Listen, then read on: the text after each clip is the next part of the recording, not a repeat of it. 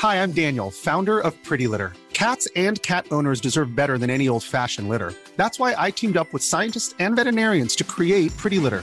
Its innovative crystal formula has superior odor control and weighs up to 80% less than clay litter. Pretty Litter even monitors health by changing colors to help detect early signs of potential illness. It's the world's smartest kitty litter. Go to prettylitter.com and use code ACAST for 20% off your first order and a free cat toy. Terms and conditions apply. See site for details. Hei og velkommen til Teknologitrender, podkasten som tar et entusiastisk, men også et kritisk blikk på hvordan teknologi og digitalisering endrer og påvirker våre liv og næringsliv.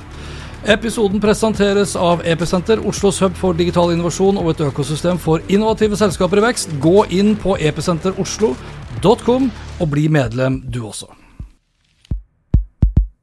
Da OpenAI lanserte ChatGPT 30.11.2022, ble vi vitne til et aldri så lite Jesus-øyeblikk. Tilsvarende da f.eks. Apple og Steve Jobs lanserte iPhone tilbake i 2007. Selv om mange av oss ikke helt forsto all teknologi bak den generative kunstige intelligensen, ja, så var det mange som raskt forsto at dette kom til å forandre alt, og det også veldig raskt. OpenAI hadde skapt en menneskelignende samtalerobot basert på informasjon som var høstet fra millioner av nettsider, inkludert av nettsider som inneholdt personinformasjon, noe som nå har fått det italienske datatilsynet til å reagere. 31.3 stengte OpenAI ChatGPT i Italia fordi OpenAI hadde brukt personopplysninger til millioner av italienere som en del av treningsdataene, noe ingen italienere hadde samtykket til. Så i påvente av hva som skjer, stengte OpenAI rett og slett da ChatGPT i Italia, altså ikke motsatt av det ganske mange tror. Men nå kan altså da hele EU følge etter, og da fordi OpenAI har brutt en grunnleggende del, eller grunnleggende deler, av GDPR. Italias svar på Datatilsynet mener ChatGPT har fire utfordringer relatert til personvernforordningen, eller da GDPR. Nummer én, OpenAI har ingen kontroll på hvorvidt personer under 13 år bruker ChatGPT eller ikke. ChatGPT kan spre falske nyheter. Ingen har gitt OpenAI et aktivt samtykke om at de kan bruke personinformasjon om dem. Og nummer fire, det fins ikke et juridisk grunnlag for å samle inn personopplysninger i det omfanget OpenAI har brukt for å trene slike store språkmodeller som ChatGPT er basert på. Det italienske tilsynsorganet har ikke kun tatt for seg OpenAI, men også chatboten Replika, altså en kunstig intelligenstjeneste som skal da bli din digitale avatarvenn, hvis du vil. Nå ser det ut til at dette er kun starten på en rekke saker som kommer til å undersøke og ta stilling til hvorvidt eh, OpenAI og tilsvarende selskaper skal eh, måtte trekke tjenestene tilbake, eller hvordan de da skal måtte gå frem for å få tilgang til all treningsdata som da kreves for å få disse tjenestene til å rulle og gå. Personvernforordningen er satt opp slik at selskaper med base i Europa kan velge ett land som skal håndtere alle klager, som er årsaken til at Google, Twitter og Meta blir alle håndtert i Irland.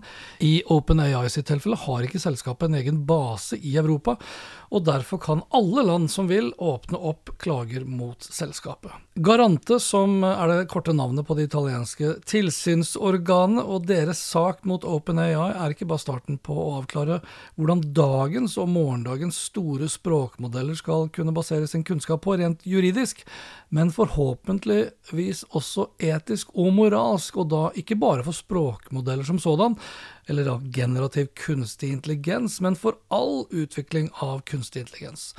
Derfor håper jeg at det her kan være nettopp starten på å få på plass da gode reguleringer som har til hensikt å sikre en trygg, ansvarlig og bærekraftig utvikling av nettopp kunstig intelligens. For Pandoras boks den er uansett åpnet, og ingen av teknologiene kommer til å forsvinne, men i stedet vokse i både omfang og bruk. Det var det for denne gang. Inntil neste episode, vær nysgjerrig, men still også kritiske spørsmål. Ikke bli en teknosjåvinist, for det er den eneste riktige måten å møte vår fremtid på. Snakkes da. Hei då.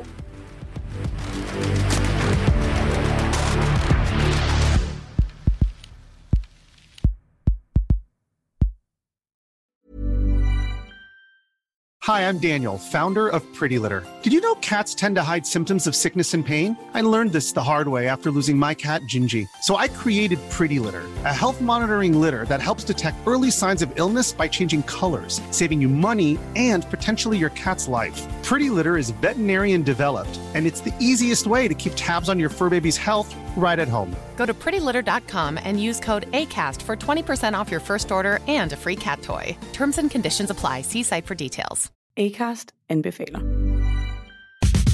Mit navn er Anders Morgenthaler. Over for mig sidder Roald Bergmann. Vi har lavet en ny podcast, der hedder Dopaminklubben. Og Dopaminklubben er en klub, hvor ADHD er fucking sjovt, og hvor det griner. Det behøver ikke at være super alvorligt. Vi er skide trætte af alle de der podcasts, der forklarer mig og nederen der. Vi gør grin med vores ADHD. Mulig ADHD. Ja, vi udreder mig, fordi nogen siger, at jeg har det. Jeg ved det ikke rigtigt, det finder vi ud af. Vi har i hvert fald lavet vedmål. Ind og lyt til Dopaminklubben. Hver uge udkommer vi. Der laver vi sjov og spas med at have den her vidunderlige dopaminmangel.